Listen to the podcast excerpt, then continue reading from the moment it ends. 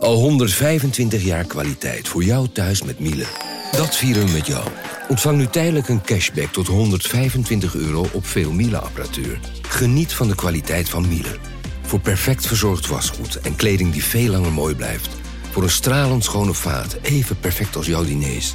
En een stofvrij thuis waarin echt hygiënisch schoon de standaard is. Check miele.nl voor alle feestelijke aanbiedingen. Hey podcastluisteraar. Ook op zoek naar een relevante invulling van je schaarse luisteruren? Tune dan in op de podcastserie ESG, even samengevat van BNP Paribas. Wij, Marloes en Aldert, spreken daar duurzame voorlopers en wereldverbeteraars. Waarover dan? Nou, bijvoorbeeld of we ooit duurzaam kunnen gaan vliegen. En waarom koeien in de stad nou een goed idee is? Dat en meer elke twee weken in een nieuwe aflevering. Dus abonneer je. ESG, even samengevat.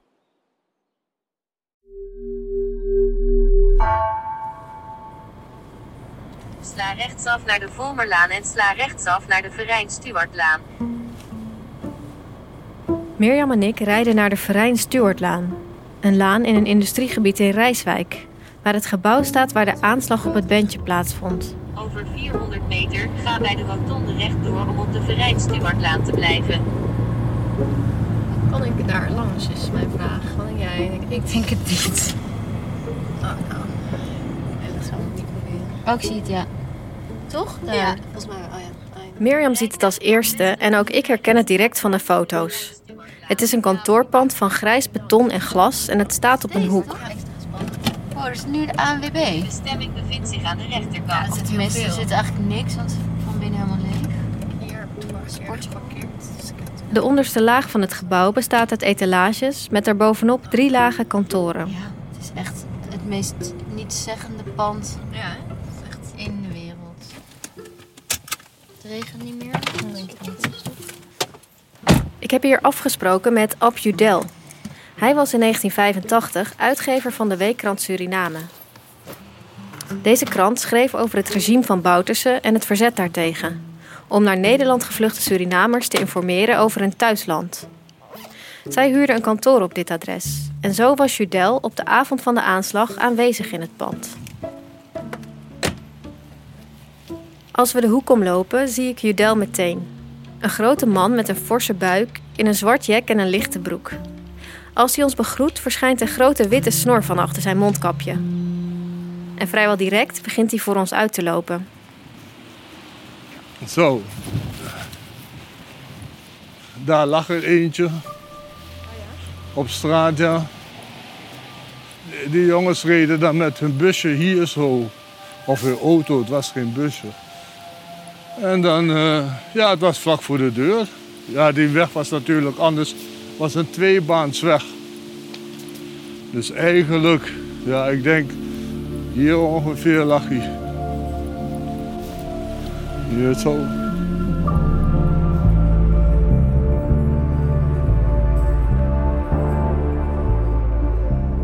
Dit is Het Geheim van Rijswijk. Een audioproductie van NRC. Mijn naam is Anna Korterink. Aflevering 4. Ene meneer B uit Paramaribo.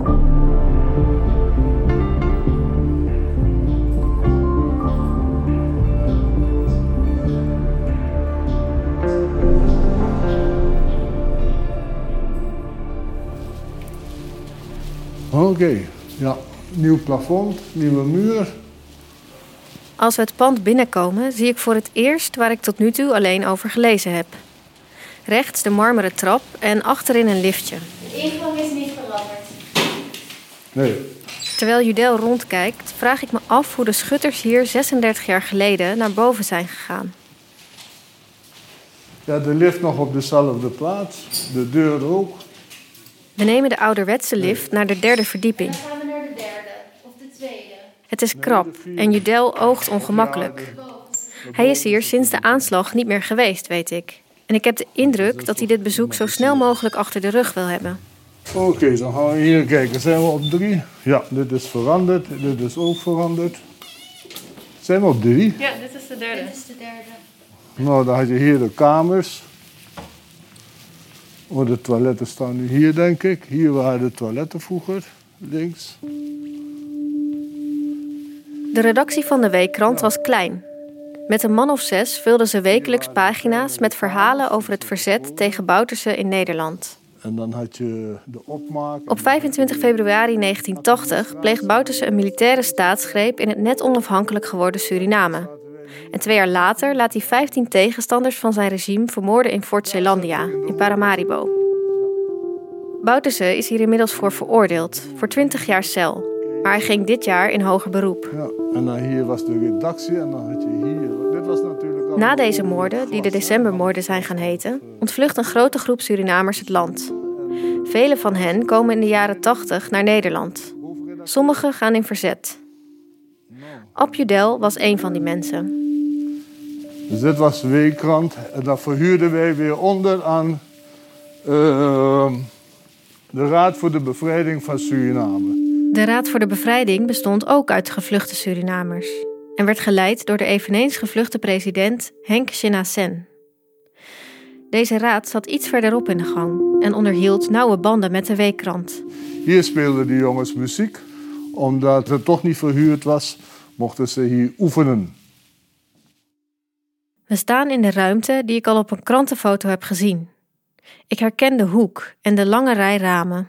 Die avond dat het gebeurde, toen waren ze ook aan het spelen. Ja ze speelden aardig. Want ik hoorde daar zoals ze hier speelden. Je hoort het natuurlijk. En ze begonnen altijd om een uur of zeven met het lawaai. Maar dat maakt niet uit. Het, eh, als je alleen daar zit te werken, en, eh, is het toch wel gezegd dat je wat hoort. Maar ik ging om een uur of elf weg naar beneden met de lift. En er was dus die tussendeur, zei ik altijd, op slot doen. Die tussen etagedeur op slot doen. En ook beneden de voordeur, want dat ging ook met de slot. Maar wat is er gebeurd? Ze gingen natuurlijk die instrumenten wegbrengen in hun autootjes. En toen, eh, ja, toen hebben ze die voordeur opengelaten en de etagedeur. En toen zijn die mensen binnengekomen. En toen om een uur of eh, één werd ik gepiept. Je had van die piepertjes. Ja, en een nummer erin kon je zien. En dat was Rob eh, Wijngaarden. Die hielp ook wel hiermee. En toen eh, belde ik hem. Hij zei, ja, er is een eh, aanslag geweest op, bij jou op kantoor. En toen, de volgende morgen kwam ik hier. En inderdaad, het was overal bloed op de vloerbedekking, want het was vloerbedekking allemaal. En, en hier waren dus toiletten, dames en heren. En dan eh, was eentje boven, eh, systeemplafond, eh, had hij om daar boven te gaan liggen schuilen. En toen hebben ze die daar neergeschoten. Ze hadden één voor de deur neergeschoten, één in de gang. Ja, het was een massaslachterij. Ab Judel is waarschijnlijk de laatste persoon die de jongens nog heeft gezien. Hij herinnert zich dat hij het pand een dag na de aanslag binnen mocht en van de politie hoorde wat zij aantroffen op de plaats delict. Een stervende jongen buiten op de stoep, drie neergeschoten jongens op de gang en een zwaar gewond slachtoffer op het toilet. Terwijl hij dit zegt, wisselt hij van de ene voet op de andere. Handen wrijvend gaat hij dichter tegen de muur staan. Toen hadden ze alle stoffelijke overschotten weggehaald en alle ellende. Ja, dat maak je natuurlijk niet schoon op die vloerbedekking, dus het bleef, die plas bleef er dus iedereen er zo omheen. Je wil niet over het bloed van iemand gaan lopen. Nee, Maar toen zijn we weggegaan direct. Meteen, meteen die dag. Ja, een week later zijn we weggegaan. Ja, maar het is een raar gevoel hier te zijn, dames. Na de aanslag verlaat de weekkrant het pand. De redactie voelt zich niet meer veilig. Ook de bevrijdingsraad vertrekt en gaat op andere plekken vergaderen. We natuurlijk een pain in the ass voor Bouterse daar. Als krant. Dus eh, kijk, ik heb, eh, je geeft richtlijnen aan je redactie. En dan zeg je van oké, dit is de koers die we bepalen. En eh, wat er ook gebeurt, er wordt nooit positief over meneer Beter Paramaribo geschreven. Never. Voor de rest mag je doen wat je wil. En dat heb ik 25 jaar volgehouden. Geen positief woord over Bouterse gold bij de weekkrant. Judel denkt daarom dat de schutters het op hen gemunt hadden. Er was een planning voor die avond dat de Raad voor de Bevrijding zou vergaderen hier zo. Meestal begonnen ze dan om een uur of vijf, zes zo en dan ging dat door gewoon. Dus uh, de heren uit Paramaribo of waar dan van ook, die hier met de auto kwamen, die, uh, die dachten dat zij van de bewaking waren. Judel denkt dus dat de schutters de bandleden aanzagen voor bewakers van de bevrijdingsraad. Ja, het waren allemaal Hollandse jongens en uh, Indo-jongens. Dus uh, toen werd er geschoten op die arme jongens. Het waren gewoon moordenaars, hitmens. In opdracht van uh, een meneer die B heet in Paramaribo. Het is nogal een aanklacht. Een politieke vergismoord vanuit een buitenlands regime op Nederlands grondgebied. Als dit klopt, dan moet deze zaak enorme prioriteit hebben gehad bij de politie. En bent u uh, na afloop ook nog gehoord door de politie? Nee, Hering. Hering is toen gegaan. Ik ben niet gegaan. Ik zei, ga jij maar vertellen hoor, want uh, ik heb niet zin in die mensen. Het heeft geen zin, het is al gebeurd. Uh, je hebt gefaald als politie. Terwijl je het weet, hè, dat het hier is. Het is niet zo dat je niet wist dat we er waren. De BVD, die, die liep de deur ook plat hier. Oh ja? Ja, wel vanaf de december uh, 82. Wat kwamen die hier doen dan? Informatie zoeken. Over? Over Suriname en wat er daar gebeurde en dat soort dingen allemaal. Oké, dus die waren hier gewoon, dat was, dat was normaal dat die hier binnenkwamen en aan jullie vroegen van hé, hey, ja, wat is en dan kwamen ze bij de week, want dan ga ik alle papieren zo om te bedekken dat ze niet komen kijken wat, uh, wat voor informatie daar staat. Interessant, ja. Want, want zij, jullie hadden waarschijnlijk de beste connecties met Suriname dan natuurlijk. Die zijn niet Alle informatie kreeg je first hand. En hebben zij achteraf dan nooit nog bij jullie informatie proberen in te winnen van om erachter te komen wie er achter zit, zeg maar? Of... Ja, dat wel, maar ze hebben het nooit opgelost, het probleem.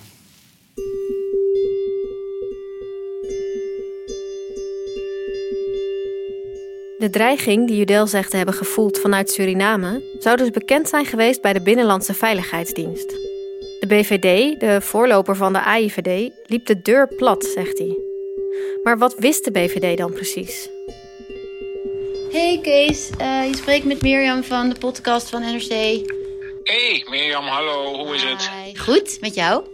Ja, prima, dank je. Vertel. Nou, uh, ik had een vraagje over een podcast waar Anna Korterink en ik uh, mee bezig zijn. Mirjam vraagt onze collega Kees Versteeg, die veel weet over de AIVD, om hulp. En nu wilden wij iets weten over de BVD in 1985. Doe maar. Ja. Die gaat wel diep, zeg.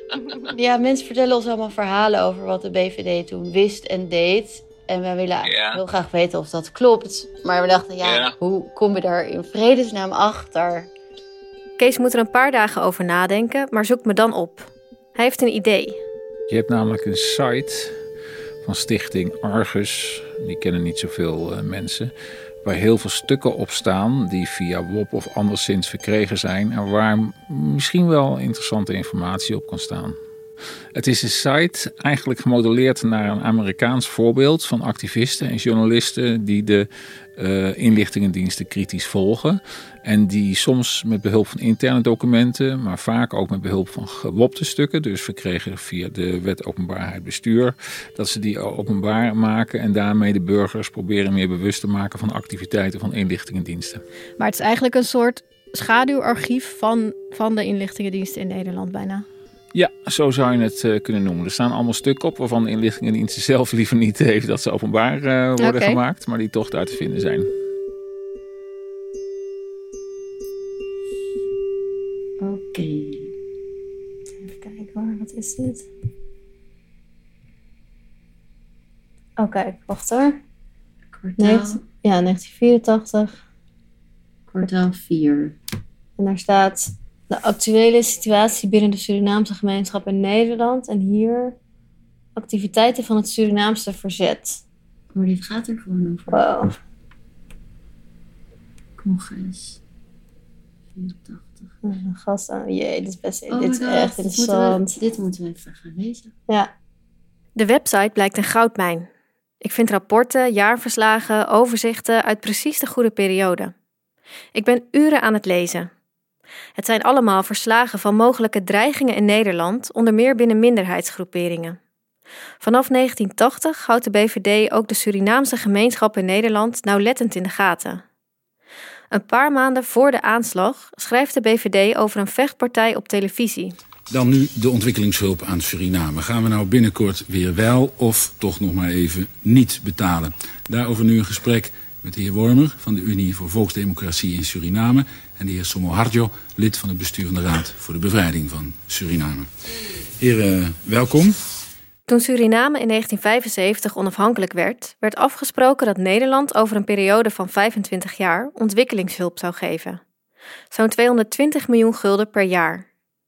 Dat geld moest Suriname helpen om op eigen benen te staan. Maar na de decembermoorden zet Nederland de ontwikkelingshulp stop. Surinamers in Nederland zijn hier verdeeld over en de talkshow Karel, gepresenteerd door Karel van de Graaf, heeft twee tegenpolen uitgenodigd. Eh, het is voor het eerst eh, dat u als eh, politiek tegenstanders aan één tafel zit. Dat stellen we op prijs dat u dat vanavond wilt doen. Op maandag 3 december 1984 zitten Rob Wormer en Paul Somoharjo samen aan tafel. Somoharjo is fel tegenstander van het regime van Desi Bouterse en zit in de Bevrijdingsraad voor Suriname.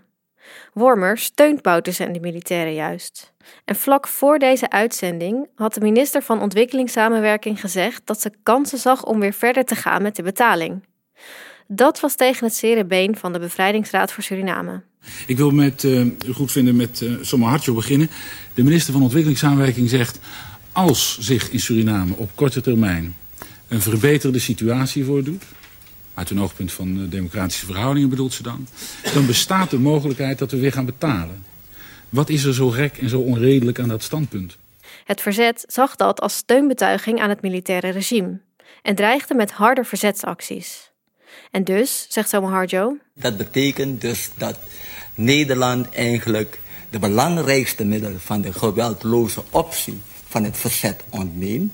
En ten tweede betekent dat dat Nederland uh, de militair regime, het moorddadig regime, legitimeert. En ten derde uh, laat Nederland ons geen andere keus over om overgaan tot hardere verzet. In de studio ontstaat een discussie tussen Somoharjo en Wormer, die over en weer verwijten naar elkaar maken. En dan komt het moment dat van dit stukje televisie een wereldberoemd fragment heeft gemaakt. Nog diplomatieke betrekkingen met Suriname.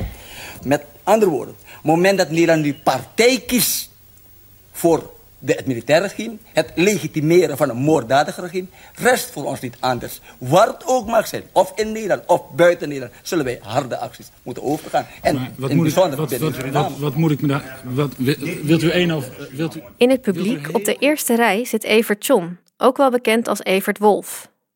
De BVD ziet hem op dat moment als militant pro-Bouterse figuur. wilt, u heel, e- wilt u heel even wachten, maar even mijn vraag Oh, laten nee, maken? John heeft grootspraak, want buiten durft hij niet. Ja, je, je hebt grootspraak, want buiten durf je niet. Want Ja? buiten durf je niet. Je hebt grootspraak. Maar wees je dat ik je nu trap? Ja, je lijkt, kom. Evert John komt om de tafel gelopen. Paul Somoharjo is al opgestaan en slaat hem met vlakke hand in het gezicht. En ook John haalt direct uit. Nee, heren, heren, heren, heren, heren, laten we dat. Heren, heren, heren, heren. Er ontstaat paniek in de studio. De vechtende mannen verdwijnen buiten beeld. Er is nog net te zien hoe een cameraman ze blijft volgen. En dan klinkt er op de achtergrond een schot.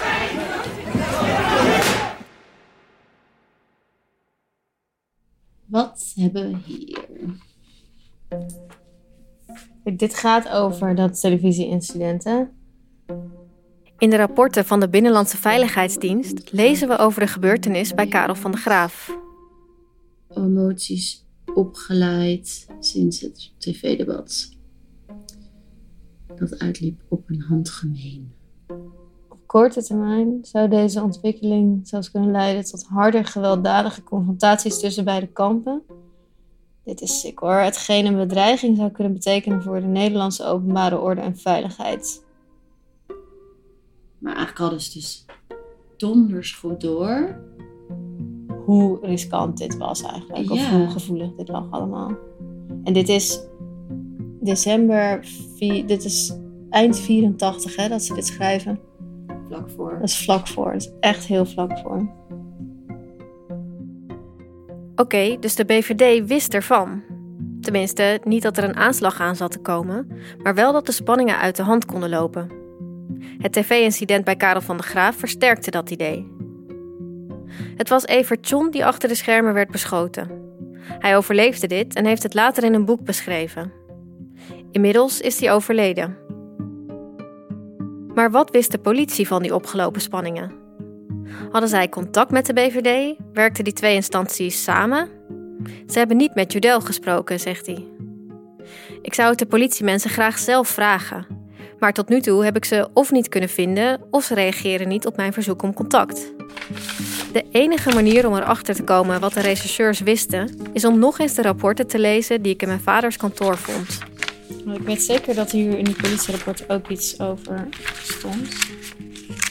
Kijk Oh, hier. Ja.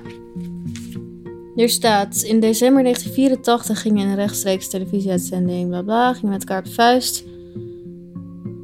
Ja, hier staat, naar aanleiding van dit televisieincident kwam vanuit het bevel in Suriname de opdracht dit incident op gewelddadige wijze te wreken door het plegen van moordaanslagen. Oh, dat is wel een hele duidelijke link. Het is gewoon wraak. Ja, dat zegt een informant dus, denk ik. Hè? Oog Dus oog. ja, voor dit doel kwam een drie man sterke commandogroep vanuit Suriname naar Nederland.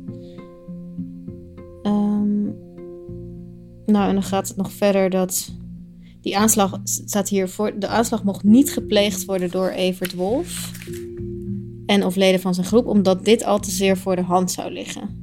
De aanslag op het bandje, zo lezen we in een getuigenverklaring, zou een vergeldingsactie zijn.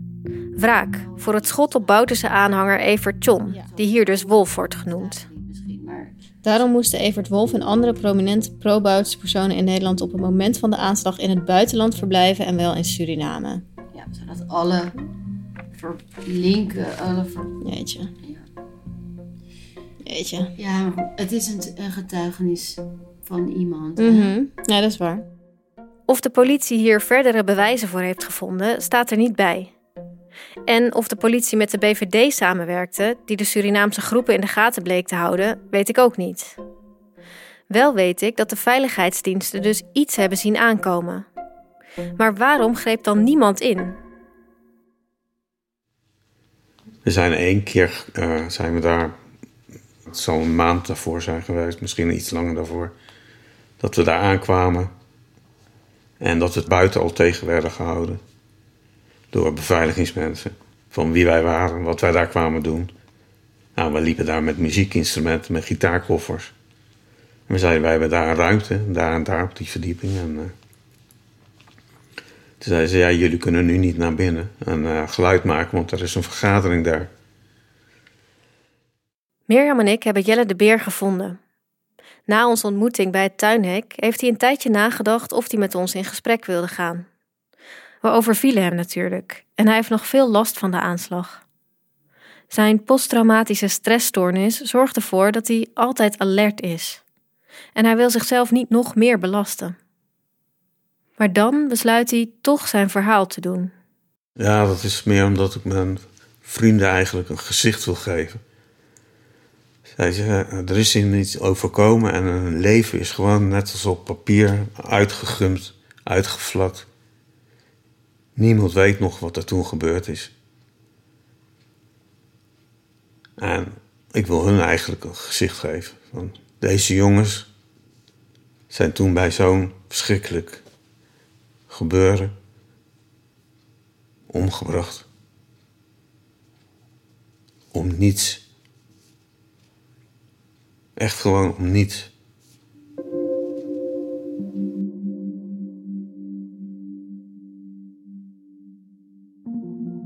Natuurlijk zagen we in de gang posters hangen, Bouterse moordenaar. Toen we naar onze ruimte liepen. En we wisten dat daar ook een weekrand Suriname zat. Ik hoorde van mensen die daar werkten dat er eigenlijk, als daar iets was, een vergadering, dat het daar zwart stond van de donkerblauwe auto's. Nou, dat zijn echt, ja. De gespecialiseerde beveiligingen zijn dat. En waren er afspraken over veiligheid, ook voor jullie, of verder helemaal niet van? Nee, dat is, dat is helemaal niet, niet over gesproken. Over veiligheid. Ik vind het ook eigenlijk onvoorstelbaar dat uh, een organisatie met politieke belangen, die, dat die daar zich in een kantoorpand kon manifesteren. Dat, dat heeft me altijd verbaasd. Achteraf.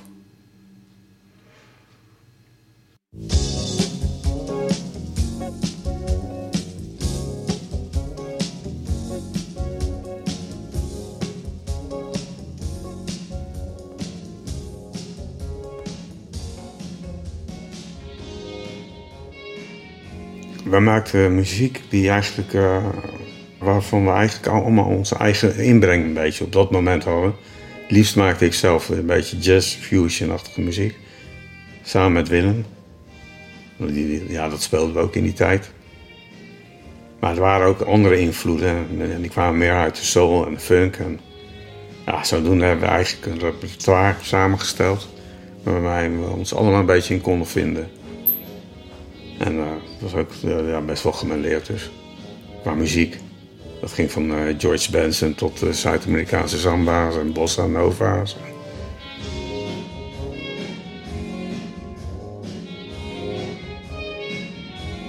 We zochten natuurlijk naar een oefenruimte. Waar we konden repeteren. En ook waar het gemak was van... Je kan je spullen laten staan. Dat we niet altijd hoefden te sjouwen met spullen. Nou, zodoende zijn we op een gegeven moment uh, terechtgekomen via, via bij een kantoorpand in Rijswijk. En die hadden een uh, kantoorkamer vrij, daar mochten wij gebruik van maken, een wetenschappelijk bedrag. Nou, dat was voor ons ideaal, want we konden lekker onze spullen laten staan.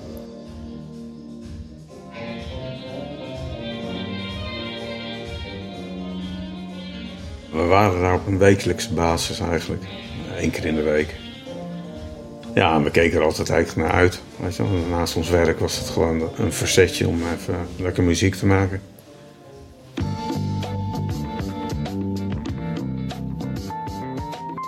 Nou, Willem is uh, pianist en uh, was een hele sociale, lieve jongen.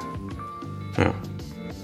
Die Fender Rhodes, het instrument van Willem, dat is kenmerkend voor hoe Willem speelde en hoe Willem is.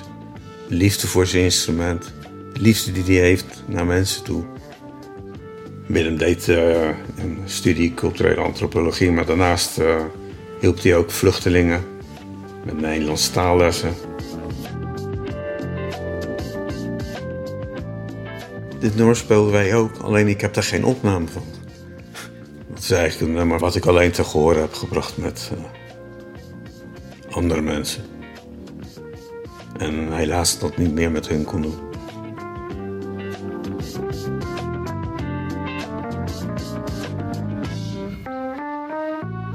Ik ben gitarist. En mijn buurjongen was bassist. Ab. Zo noemden wij hem dan. Voluit Albert. Knevel. Een lieve jongen. Zondagskind. Altijd vrolijk. Altijd grappig. En uh, had een nieuwe baan. Zag een trouwen. Had een huis gekocht. Ja, dus had de toekomst, zag hij voor zich. En dan is er nog iemand die het ook heeft overleefd en dat is Zelenbaas. En die uh, nam de zang voor zijn rekening.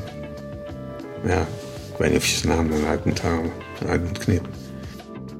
Jelle onderbreekt zichzelf. Hij twijfelt of hij de achternaam van de andere overlevende moet noemen. Frans Elenbaas. Net als Jelle heeft hij nooit publiekelijk over de zaak gesproken en andere nabestaanden spreekt hij voor zover ik weet niet. Ook met mij heeft hij het contact afgehouden, al weet hij wel over deze serie. Degene die ik het minst lang kende is uh, Fred Bakker.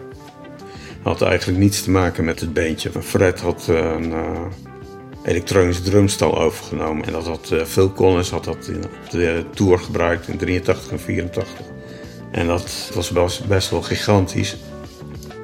En die zocht daar eigenlijk een opslagruimte voor. En hij wist dat wij daar oefenden.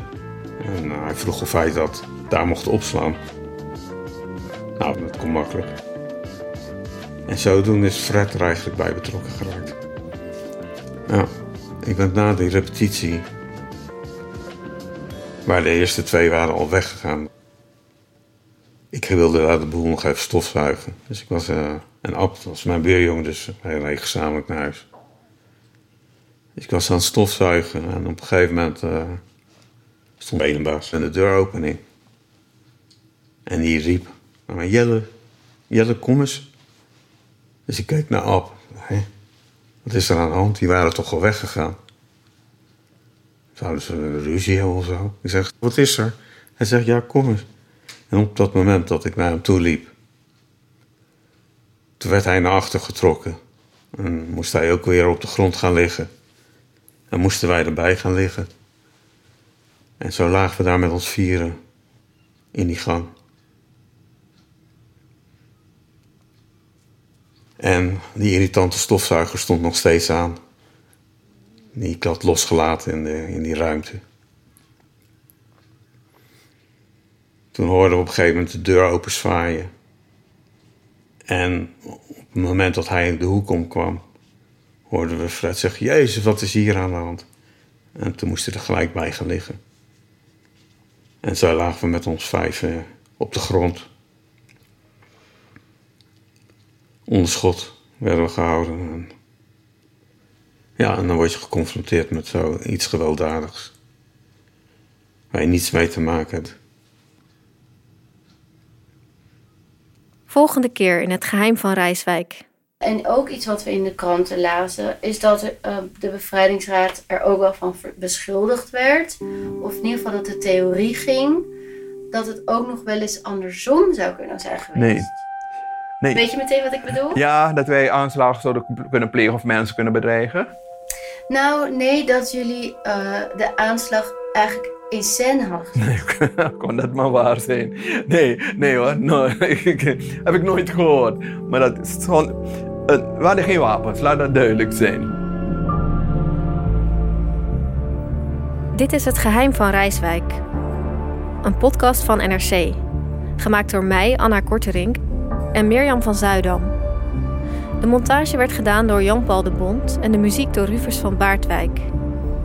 Eindredactie is in handen van Hans Budding.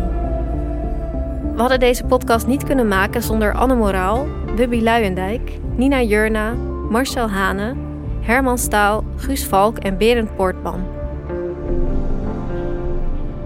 Volgende week een nieuwe aflevering.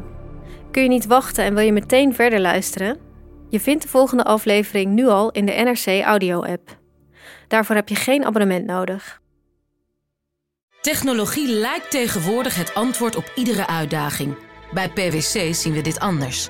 Als we de potentie van technologie willen benutten, kunnen we niet zonder een menselijk perspectief. Human-led, tech-powered noemen we dat. Ga naar pwc.nl.